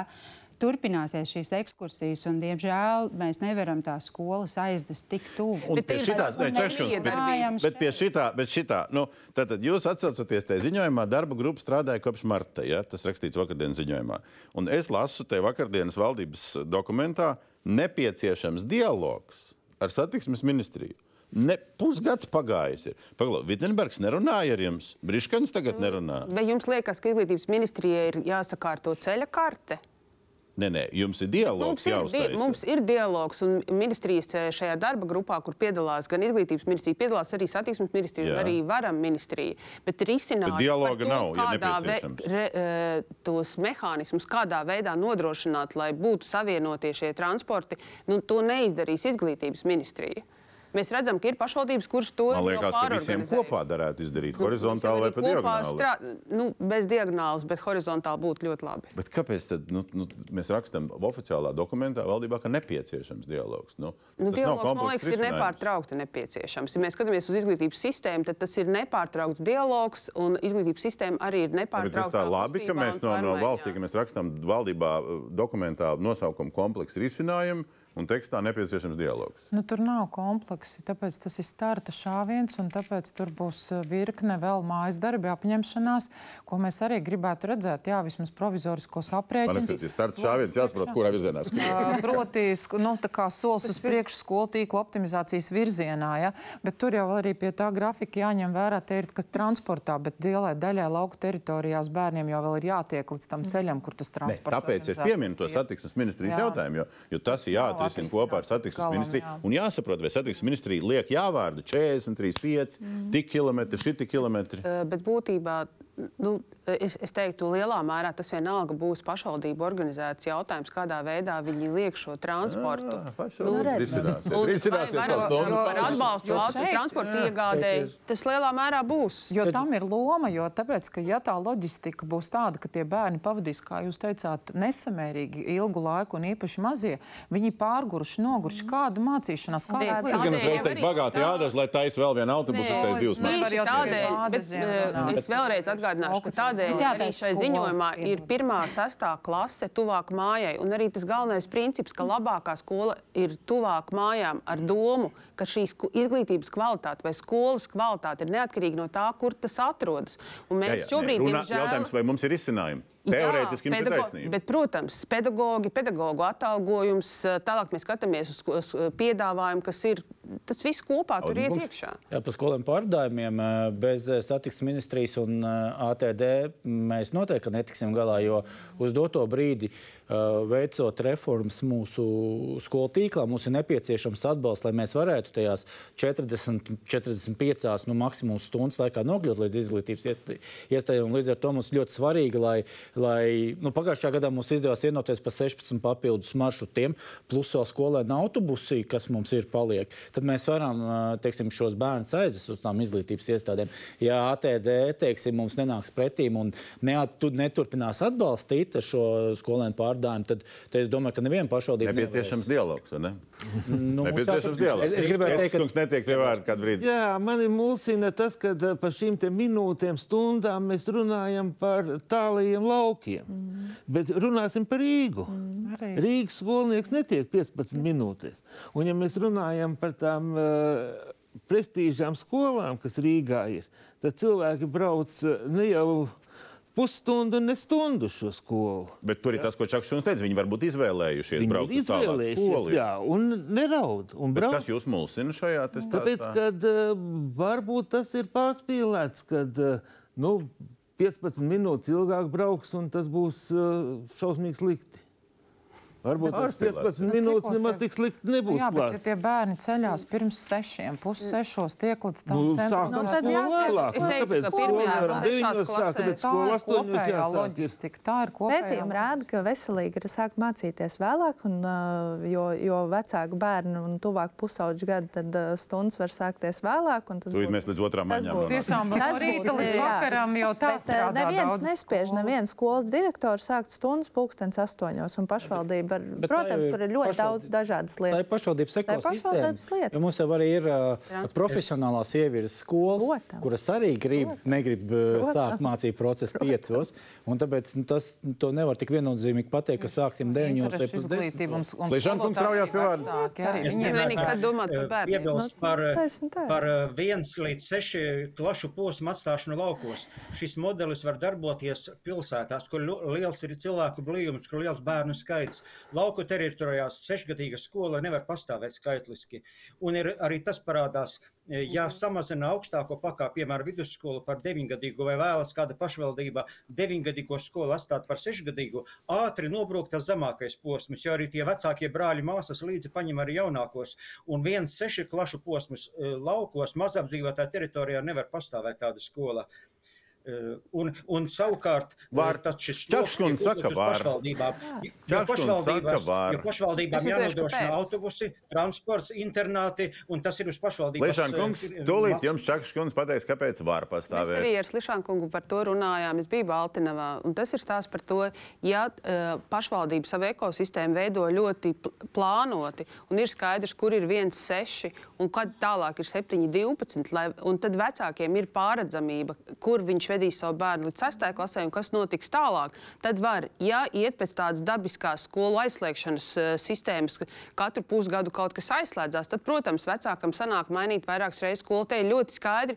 Pašvaldība drosmīgi pieņem lēmumus, bet viņa redz, kur mācīsies bērni līdz 6. klasē un kas tālāk notiks ar 7, 12. Tas ir vienīgais veids, kā tiešām neiztukšot laukus. Un to ir parādījuši vairākas valsts, kas meklēja arī šo tipoloģijas veidu. Tāpēc tas ir piedāvājumā. Par vairākām ja paliek šie valstīm 7, runājot. 9 pa vidu, turp vai šurp, tad tiešām tā Par ir. vairākām valstīm runājot. Šis ir viens no Latvijas valdības dokumentiem, kur nav nekādas atsauces uz to, ka mēs vadījāmies no šādiem un šādiem citu valstu labajiem piemēriem vai nepieļāvām citu valstu sliktos piemērus.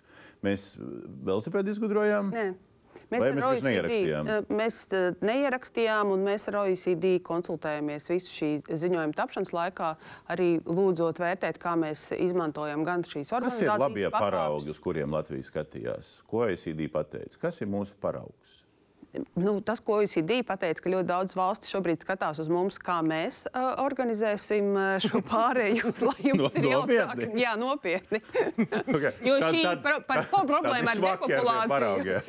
Uh, problēma ar depopulāciju uh, reģionos ir daudz, daudz vietās. Arī Igauni patiesībā ar Pētot to starptautiskās pieredzes, nu, man nāk prātā, viss saka, ka veselības aprūpes sistēma globāli. Nu, nav, labā piera- piemēra jau nav viena pareizā. Ja?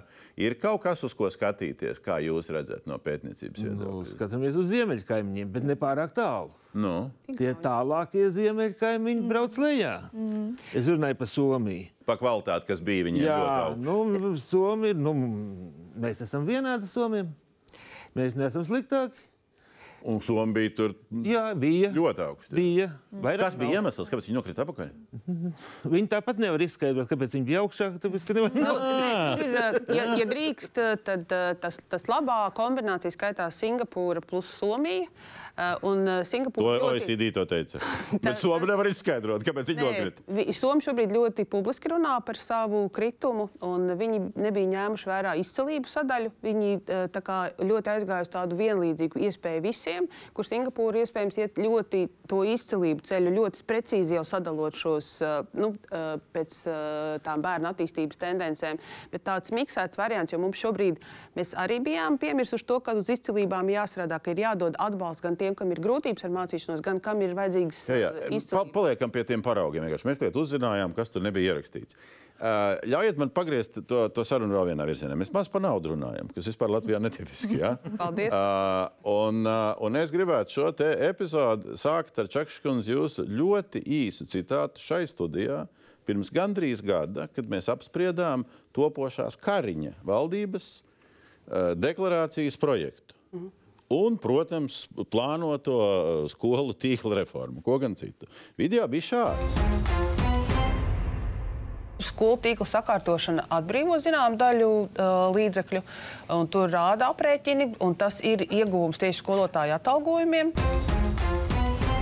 Skolu tīkla sakārtošana atbrīvos līdzekļus atalgojumiem, to rāda aprēķini.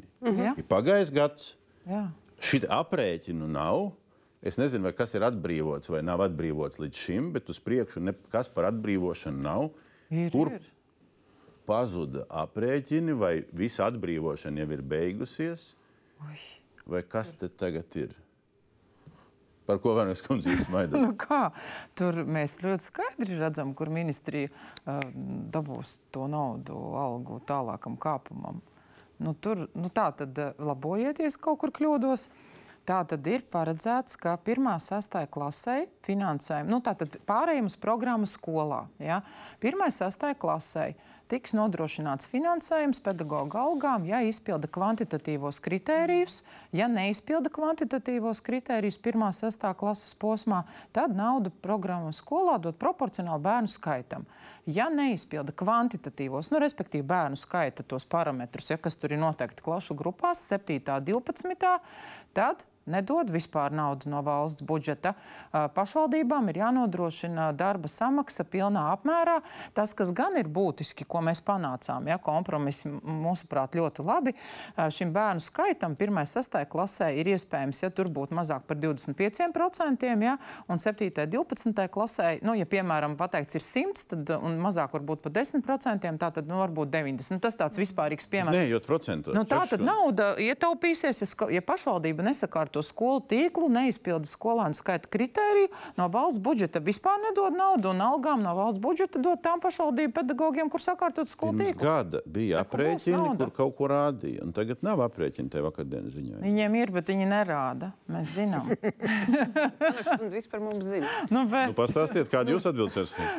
Ne, nu, mēs iesim ar finansēšanas modeli līdz gada beigām. Arī uh, Silīnas kundzes uh, esošajā valdībā mums ir uh, viens no svarīgākajiem punktiem, kas līdz gada beigām mums ir jāiznes uz valdību šis finansēšanas modelis. Ilgtspējīgs modelis. Ilgspējīgs modelis, kas nākamajam jā, paredz šo programmu finansējumu ļoti uh, precīzi. Uh, Vanaks kundze ie- ieskicētais, bet uh, vēl daudz detaļās uh, līdz galam mēs neesam ar visiem izdebatējuši, lai virzītos tālāk.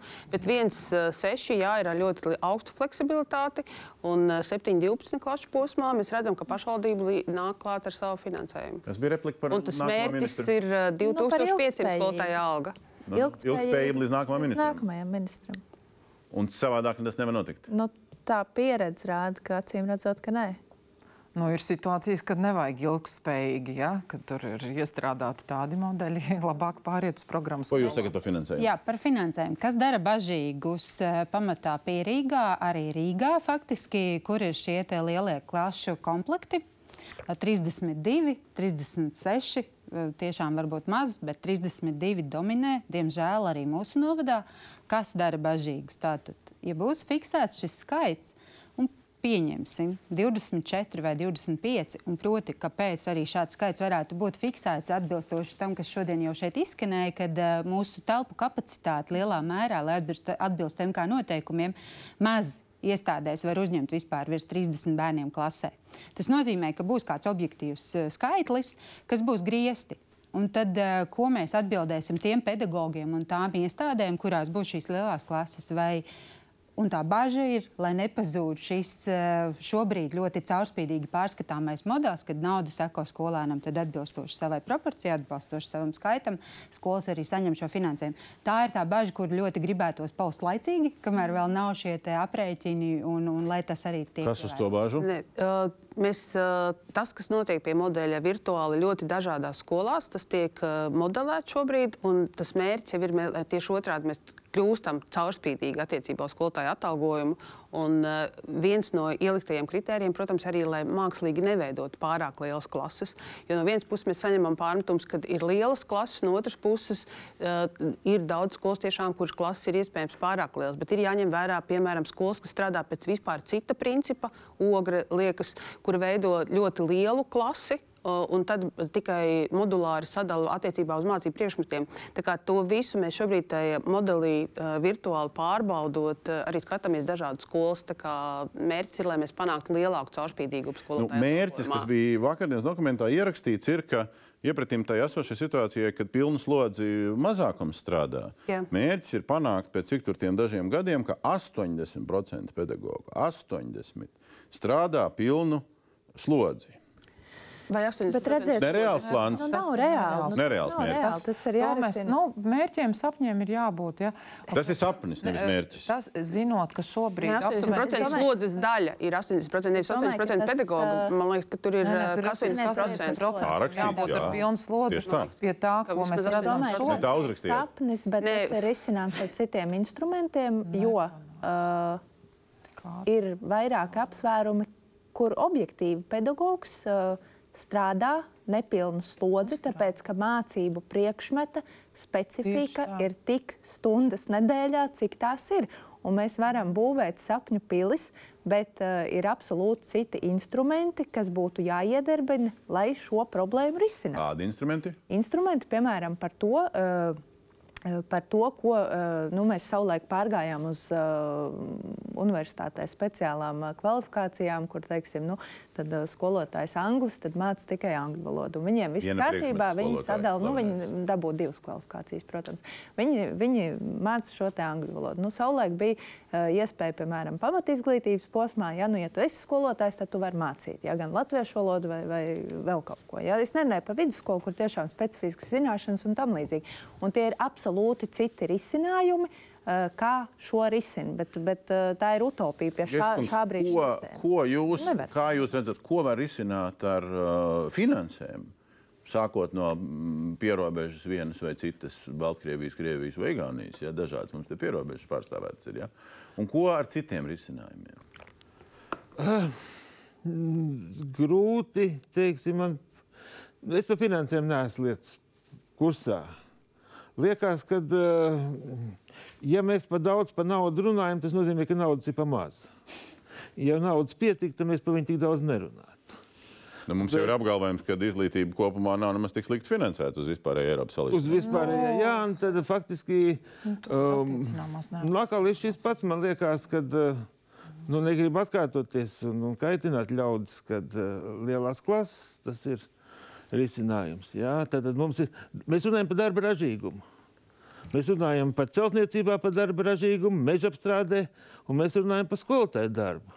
Un skolotāja darbs, ja man ir seši bērni klasē vai 36. Tad ir divi dažādi jēdzieni. Šis darba ražīgums atšķirās. Ir divi dažādi jēdzieni - ražīgums un produktivitāte. Bet tas nav viens un tas pats. Jāņem vērā, un, un, tajā, un jāņem vērā, ja kur valstīs ir šīs lielās klases, tur, jā, protams, ir bērni ar speciālām vajadzībām, bet tur ir visa atbalsta personāla komanda, ir pedagoga palīgi, ja, ir mācību līdzekļi, ir metodiskais atbalsts. Manēs, kundze, neejam par riņķi. Šitas vienreiz jau bija. Mēs vienreiz par šo te pašu intervējam skolotājiem. Un tā būs kvalitāte. Kas pētījumā, pētījumā ka bija augstākie sasniegumi lasīt prasmē. Un skolotāji ar eh, nezinu, 16 gadu stāžu vai kā tur toreiz bija modē runāt par to uzmanības deficītu bērniem. Mm -hmm. Viņi teica, es savā praksē nevienu tādu neesmu redzējis. Es esmu redzējis bērns ar uzvedības problēmām, bet ar tām mēs ātri tiekam galā. Mm -hmm. Tā kā varbūt daudz kas arī ir eh, šeit tiek pārspīlēts, jā, un, un, un varbūt šī Un Žņets kundze skaidri galvu Nē, nepiekrīt. nu, protams, ka es nepiekrītu, tāpēc, ka bērni ar dažādām vajadzībām, un atkal es negribētu tikai reducēt, ka mēs runājam par bērniem ar mācīšanās grūtībām vai uh, nu, ar kādām. Es nezinu, kā pieklājīgi teikt, uh, nu, nepilnībām, kas traucē teiksim, optimālo līmeni sasniegt. Un nerunājam par uh, atkal tiem bērniem, kuriem ir uh, ārkārtīgi augsts intelekts, ko mēs atkal skolās nesasniedzam. Bet šādu bērnu ar, ar, diagnos, uh, ar diagnozēm viņu kļūst ar vien vairāk. To rāda visa pasaule. Un ne jau tāpēc, ka sabiedrība kļūst sliktāka vai nepareizāka, tāpēc, ka mēs iemācāmies atpazīt problēmas, mēs iemācāmies tās risināt. Un tāpēc izlikties, ka šiem bērniem, nu, ka mēs tā visus vienā plaknē noliksim, nē, mēs kļūstam ar vien dažādāk, un tās situācijas un skolas vide ir jāpielāgo. Un runājot par finansējumu, šī ir joma, kura mums ir vēl papildus jāfinansē. Un tie ir atbalsta pedagoģi. Mēs visi vēlamies, neskatoties uz tiem rādītājiem, kur mums jau ir gandrīz divi pedagoģi uz vismazāko bērnu skaitu, mm -hmm. mums ir tāpēc vietā runāt par šo modeļu, ka jāpārskata ir. Iestādes, bet- bet tad uz šī- bet, uz bet šī- finansējumu, kur radīsim, lai šis atbalsta personāls būtu. Un jo lielāka klase, jo patiesībā būs Bet jābūt tad uz vairāk. šī fona par atbalstu personāliem, par, par, eh, par, eh, par bērniem ar, ar, ar īpašām vajadzībām un tā tālāk, tad, tad tas, ar ko jūs iesiet vēl šogad, eh, tas būs aprēķins, kā Jā. izbrīvēt tos līdzekļus no esošās sistēmas. Mēs eh, skaidri parādām, cik šajā programmas realizācijā ir nepieciešams arī atbalsta personāls. Mēs runājam arī tiešām par speciāliem pedagogiem, par psihologiem. Ir skaidrs, ka arī pašvaldība iekšēji ir viens tās tiešām, kur ir liels skolas un tur, kur ir uh, mazākas skaitliskas skolas, kādā veidā var caur izglītības pārvaldi to organizēt. Nu, tas nebūs droši vien ādažs tās, bet uh, tur, kur ir vairāk mazas skolas, iespējams, visiem tiem speciālistiem nav jābūt vienā skolā, bet caur izglītības pārvaldi viņi redz, kur šai komandai ir jāpieslēdzas.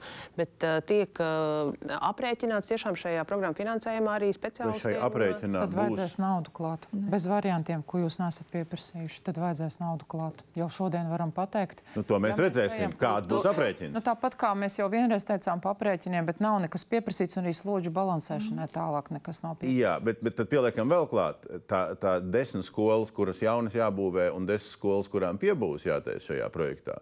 Ādaži, nu, viena no viņiem, jā, tad potenciāli. Tur būs arī atbilde, kur mēs 300 miljonus dabūsim. Uh, finansēšanas modelī tieši nē, tas ir vairāk šajā dialogā gan ar varas mm. ministriju. Nepieciešams dialogs. dialogi. komplekss. Bet tas ir skaidrs, bet nu, bez jokiem ir skaidrs, ka Nē, nu, tas ir, uh, ir uh, gan ceļa, ceļu infrastruktūrai, gan autobusu iegādēji, gan jaunu skolu būvniecībai. Mēs arī Nē, bet vienotas saka, skolas kontekstā par to varam bet, runāt. Bet, bet, bet ja mēs šobrīd runājam No par kompleksiem fondiem, risinājumiem, jā. Eh, kur ir īstenojami ar desmit jaunām skolām un desmit piebūvēm, bet 300 miljoni nav šīm lietām, mm. nu, tad nav kompleksa risinājuma. Viens no punktiem ir uh, precīzi uzrakstīts, kad ir šīs investīcijas. Uh, varam No no ministrija runā jau par uh, 70 miljonu investīcijām. No caur Eiropas struktūra fondiem mēs tieši tāpatās redzam, nu, līdzīgi Igaunija arī būvēja skolas ar Būs fondu fondi, palīdzību. labi. Ļoti ātri atbilde. Būs fondi, nozīmē jautājumu. pieredze. Divas iepriekšējās skolas Ādaža novadā. Viena saņēma 8% no kopējā 17 miljonu skaita, otra no 15 miljoniem 1,1 miljonu. Piedodiet, tas nav Šajā samērīgi. Ja mēs sakam, nav būs fondi, mums ir jābūt pārliecinātiem. Pagaidīsim, kāds būs tas plāns. Klišāna kungam jautājums par finansējumu. Jā, man par finansējumu es trešo reizi mēģināšu pat jautāt pašu būtiskāko jautājumu šajā ziņojumā. Lūdzu. Ziņojumā skaidri ir gaiši ierakstīts, ka būs īpaša finanšu programma Eiropas pierobežas skolām, kurām nav, neizpilda kvantitātes kritēriju. Šis koncepts jāizstrādā līdz 31. martam. Kamēr nav šis zināms, eh, pierobežas pašvaldības nevar veidot savu izglītības novada ekosistēmu. Man jautājums, no kāda maka būs šī nauda un kam, kas atbild par šo finanšu programmu Eiropas Kāda pierobežai? maka Kam būs nauda un kas atbildēs par pierobežu programmu līdz 31. martam? Uh, kopīgi mēs ar varam ministriju tā Dialogā. strādājam. Ne tikai dialogā, bet darbā. Tāda atbilst Lišana kungs. Pieķeramies vēl pie pā- privātskolām, ar ko sākās, sākās nu, tas, tas tā cilpiņa. Jūs teicāt, neviena privātskola Latvijā nevarēs. 7-12 posmā 7-12 uz šodienas fotografiju. Nu, ja es kļūdos, varbūt ir kāda Viena. viena, bet uh, es nerunāju par tālmācību, un uh, tas ir cits Jā. stāsts. Bet tās, kas fiziski normāli māca bērnus, neviena. Neviena, tieši neviena. Tas ir komplekss ar izcinājumu sastāvdaļa. Tas ir uh, privāts skolas, kas ir uh, Rīga. Uh, Pilsētas, ja privātas skolas nav, es atvainojos, uh, Eiropas. Savienības uh, noteikumi. Bet, uh, un, un es nebaidos runāt par privātu skolām un par to, cik uh, šis ir, manuprāt, netaisnīgi, jo tieši 7, 12 posmā privāta skola vairs nav tāda vecāka iegriba, ka es te, nu, uh, turpināšu teiksim, izvēlēto pirmsskolas privāto izglītības iestādi, tāpēc, ka bērnam mazāks klases. 7, 12 posms tā tomēr ir uh, cita vispār specifika uh, šim sektoram. Un, protams, ka viņi turpinās strādāt, pa, pa, pakalpojums kļūs krietni dārgāks, bet, piemēram, jaunieši, kas izvēlas profesionālo sportistu karjeru, ko jūs ar viņiem darīsiet, ko jūs darīsiet ar tiem jauniešiem, kas neiekļausies. Un ne visas privātas skolas ir alternatīvā pedagoģija, kas ir arī atrunāta ziņojumā, bet, kā es teicu, es gaidīšu to nu, tad speciālo plānu, kas tur ir, bet uh, katrā ziņā visas uh, privātās izglītības iestādes šobrīd ir ārkārtīgi nobežījušās. Bet tas ir taisnība. Nē, tas nav Vieni taisnība. spēles noteikumi, jo privātas skolas tieši tāpat kā pašvaldību dibinātās Maksā saņem lielākas algas, nodrošina augstāku izglītības kvalitāti. un mazāk, ja grib, nu, bet tas ir tieši tas pats, kāpēc dati. privāta skolā Rīgā 7-12 posmā ir jābūt mazāk skolāniem nekā pašvaldības Tāpēc, dibinātajā. Tieši tādam pašam posmam. kurus ne A, pašvaldība. mazās skolas arī ir izsmeļotas. protams, es jau nevienā brīdī Vanagas kundze nesaku, no. ka mazās skolas ir jātaisa Bet tad ciet. Es, tieši tā, izņēmumus kā taisīsim, un viņas ir pilsētās, jo jūs jau tā, ja, ja kāpšu pagātnē, eh, ja visiem ir pašvaldībām, jums ir nauda seko līdz pašvaldībai, tad privātu skolām, kas ir pilsētās, lielās pašvaldībās, ir nauda seko līdz skolai, par skolēnu. Ja? Un šeit ir nu, konkurence, vecāku izvēle, jā, un kāpēc Vanags kungs pirmo reizi kļūst par advokātu izglītības ministrijas. Tas arī ir labi. jā. Mēs, mēs esam, lai ir privātas skolas, bet tieši tādi paši spēles noteikumi kā pašvaldību dibinātajām, jo arī privātas skolās saņem algu no valsts budžeta, brīvpusdienas saņem, mācību līdzekļus saņem, un vēl pašvaldībām ir uzlikts pienākums. Bet, kas eh, bija apsvērumi, eh, bet- kas nonāk pie šādiem rezultātiem? Bet kopumā tas mērķis ir, protams, ka arī privāta skola ir daļa no izglītības ekosistēmas konkrētajā pašvaldībā. Un, ja tā nosedz kaut kādu nenosaktu piedāvājumu, tad caur finansēšanas modeli mēs meklējam to risinājumu, kādā veidā tas eh, tad strādās.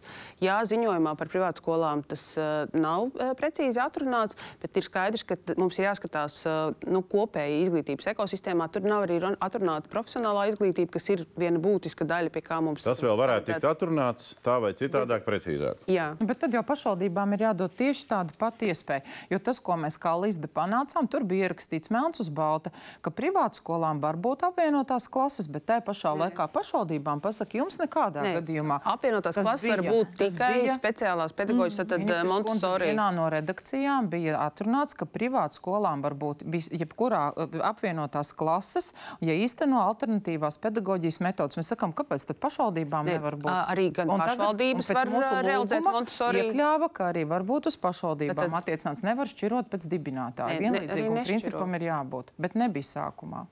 Nu, galu galā rezultātā aizgāja tas labotā, labotā versija. un Mēs esam saskaņotā. par, lai darbojas vienāds spēles Mēs noteikumi. dzirdējām, mēs tiešām dzirdējām, ko jūs sakat. Uh, uz tā, Kungs, ja nauda iet vieniem pēc vieniem spēles noteikumiem un citiem pēc otriem, tas Vainīgs nav taisnīgi. Kundze, Tā kā jūs būsiet te krēslā, ja sanāks, nu, tad atbildiet. Nu, viss kārtībā. Dāmas un kungi, Atbild. ā, ā, noslēdzot šo visu, ko mēs esam izrunājuši, un, protams, ko mēs neesam izrunājuši, un vēl ir pēdējā iespēja šai mirklī. Vakar ļoti garš, nu, tā maziem burtiņiem uz divām lapām sanāk, ja lieliem burtiem uz trīs, trīs vai pat vairāk lapām. Ļoti garš. Uh, pro, protokols, nu, kurš vēl oficiāli nav ne, redakcionāli saskaņots par to, kas kam jādara. Tā skaitās Lišana pieminētie marti, un, un, un, un, un decembri un janvāri, un kas tik, kas tik, kas tik. Saliekam kaut kādu rezumē, cik nu, visi, kas ir, es saprotu, ka visi klātsošie ir iepazinušies, kas te ir uzrakstīts, kas jādara, kādā secībā, kam kopā ar ko, kādā dialogā kopā ar ko un tam līdzīgi. Nu, kas ir kārtībā un, un parakstamies, bet kas ir aplami un kas te ir eh, jāmaina vai kas te nestrādās. Slišankungs, jūs gribējāt par to nākotni jau pašā sākumā runāt. Sākam to noslēdzošo apli par, par nākotni līdzās tam, ko mēs jau izrunājam ar jums. Es, eh, es gribētu aicināt, uztvert mūs. Es tomēr runāšu tieši par pierobežu, par šiem attāliem reģioniem. Skolas nav tikai skolas, tie ir valstiskuma centri. Un Baltiņvas vidusskola 6 km no Krievijas robežas. Mums ir viena no pirmajām skolām, kur, kur pilotprojekts valsts aizsardzības mācībā. Mūsu pierobežas skolu, vidusskolu beidzēji ir eh, iet robežsardzes koledžā daudzi.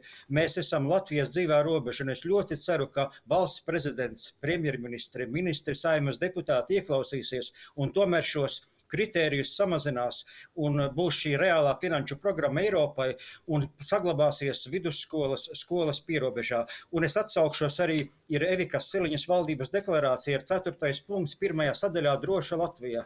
Latvijas austrumu robežas zonā dzīvojošiem iedzīvotājiem un uzņēmējiem veidosim mērķētas atbalsta programmas investīcijām, integrācijai, mobilitātei un dzīves kvalitātes uzlabošanai.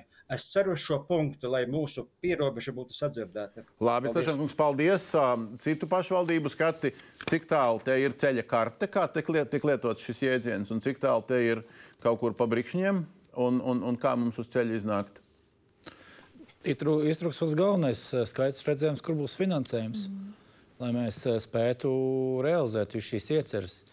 Jo nu, nu, pat pirms šī raidījuma runāja viena pašvaldību vadītāja, kurš arī teica, mēs esam gatavi, bet mums vajag resursus, lai mēs varam sagatavot šo infrastruktūru, lai varētu uzņemt. Manuprāt, Restīvi, šie, šī, šī ceļa karte nu, vienkārši nu, nav sajūgti tie. Nu, ja, nav, zirgu. ja, nav, ja nav finansējuma, ja nav risinājuma, kā mēs atrisināsim atbalstu personālu un citas lietas, kas jau te vairāk kārt ir izskanējis, tad, nu, tad es domāju, ka būs ļoti sarežģīti. Premjerministra vakar valdības sēdē teica, ka šito stāstu par, to, par tām finanšu lietām liks kopā pie nākamā gada, nu, tad uz aiznākamo gadu, pie budžeta grafika. Nu, tas nozīmē, ka 25. gads jāgaida. Nu, es jau saku, šis, šī situācija ir ļoti dažāda. Mēs esam mājas darbu izdarījuši, mums trūkst finansējumu, lai mēs sakārtotu esošo infrastruktūru. Līdzīgi, atšķirīgi. Ja, es gribētu par to kopīgo, tad atgriežoties arī šīs sarunas sākumā, kvalitāti. Kas ir tās rīcības, kas mūs ved uz kvalitāti? Mēs atduramies pret to, ka mēs redzam, ka nav finansējuma, bet nav finansējuma kuriem elementiem. Un tās būtu arī tās atbildes. Mēs pieskārāmies tikai daļai no tā. Un otra lieta, kas tomēr gribas pieminēt, mēs visu laiku pārstāvot pašvaldības, dzirdam, kā pašvaldības jums vajag sarunāties, jums vajag sadarboties, starp institūciju dialogi un tā tālāk. Es domāju, ka šis ir tas brīdis, kad ir izglītības ministrijai jādara savas lietas, bet ir jābūt šai tandēmam ar uh, pārējām ministrijām. Tas ir varams par ceļu infrastruktūru, tā ir satiksme, un mums ir jāsadala. Tā ir ekonomikas stiprināšana, un droši vien tur arī radīsies atbildes gan par finansēm, gan par atbildīgajiem. Savādāk mēs visu vēlamies saņemt no izglītības ministrijas, savā veidā gribu aizstāvēt, jo mums no izglītības ministrijas gribas dzirdēt par kvalitāti, par pedagogiem, atbalsta personālu un vēl noslēgumā gribu pieminēt par STEM. STEM jomas stiprināšanu mēs vismazāk pieskārāmies. Lai kur brauktu tie skolēni, viņiem ir vajadzīga infrastruktūra, viņiem ir vajadzīgi kvalitatīvi pedagogi. Un to gribu pieminēt arī kā piemēru.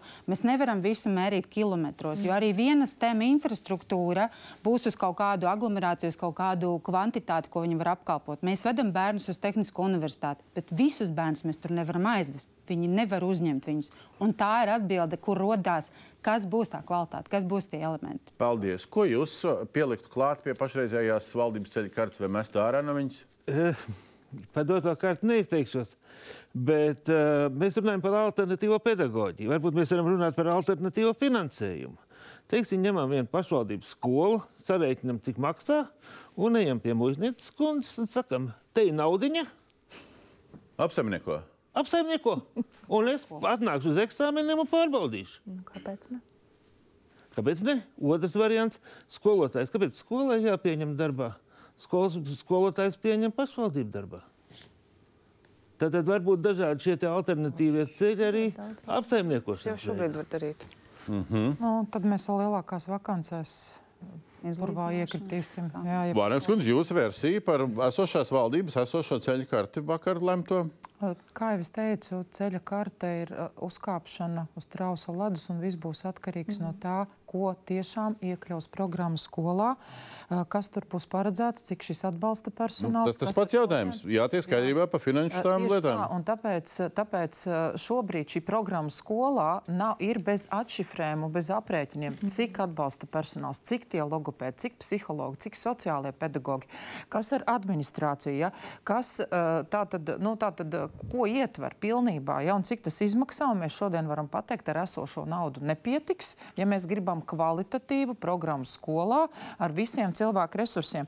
Un tas, kas ir tālāk jādara, ko daudz jau prasīja, un arī mēs, šis ziņojums ietver tikai maziņu daļu no skolām. Tāpēc nākamais, kas ir zibenīgi jādara, bet vispār jau vajadzēja aizvakar un kartē būt kopā, kas attiecīgajā pašvaldībā vai tuvākajā, ja tālāk jau ir ar profesionālām izglītības mm. iestādēm, profesionālā ievirze, speciālā izglītība, jo kur tie bērni, tad, kad mēs pacelsim vispārējā izglītībā šo kvalitātes latiņu, Ne. Vai vispār tās profesionālās skolas varēs paņemt pretīm ar to infrastruktūru, kas viņiem ir un to Paldies. cilvēku resursu? Paldies.